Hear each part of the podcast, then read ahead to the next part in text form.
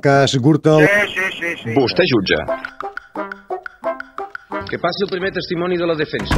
se iban apuntando a la cuenta de Álvaro Pérez prendas de Álvaro Pérez y de otras personas. Sí, Entre esas personas estaba Francisco Camps. sí. Fíjate si te debo. No, no, nada. Sí, sí, sí, sí. Te paso con Isa. Álvaro, Hola. con el mío te has pasado 20 pueblos. ¿Qué dices? Si es un detallito, hazme caso. Un detallito. Le puedo ser más útil si me pusieran en el gobierno. Y luego tenemos que comprarle un reloj a la consejera de... Se lo compré a la hija puta de la perla, no se lo voy a comprar a la de ahora, a la de turismo.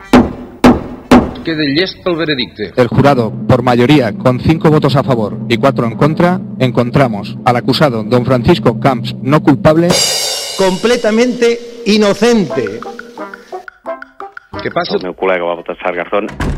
Yo solo puedo decir que mi conciencia está tranquila porque tomé las decisiones que creía ajustadas a derecho. Hice realmente lo que creía que tenía que hacer por encima de ideología. No hay ni una sola diligencia. Comenzaron una cosa, una persecución implacable en la vida privada, en la vida profesional, con denuncias y querellas constantes que está investigando. Quede llest pel veredicte.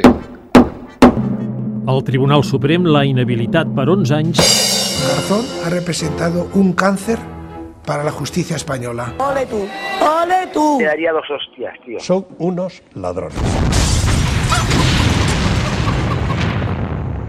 Tot és molt confús. De dilluns a divendres de 12 a 1 del migdia a Catalunya Ràdio amb Pere Mas.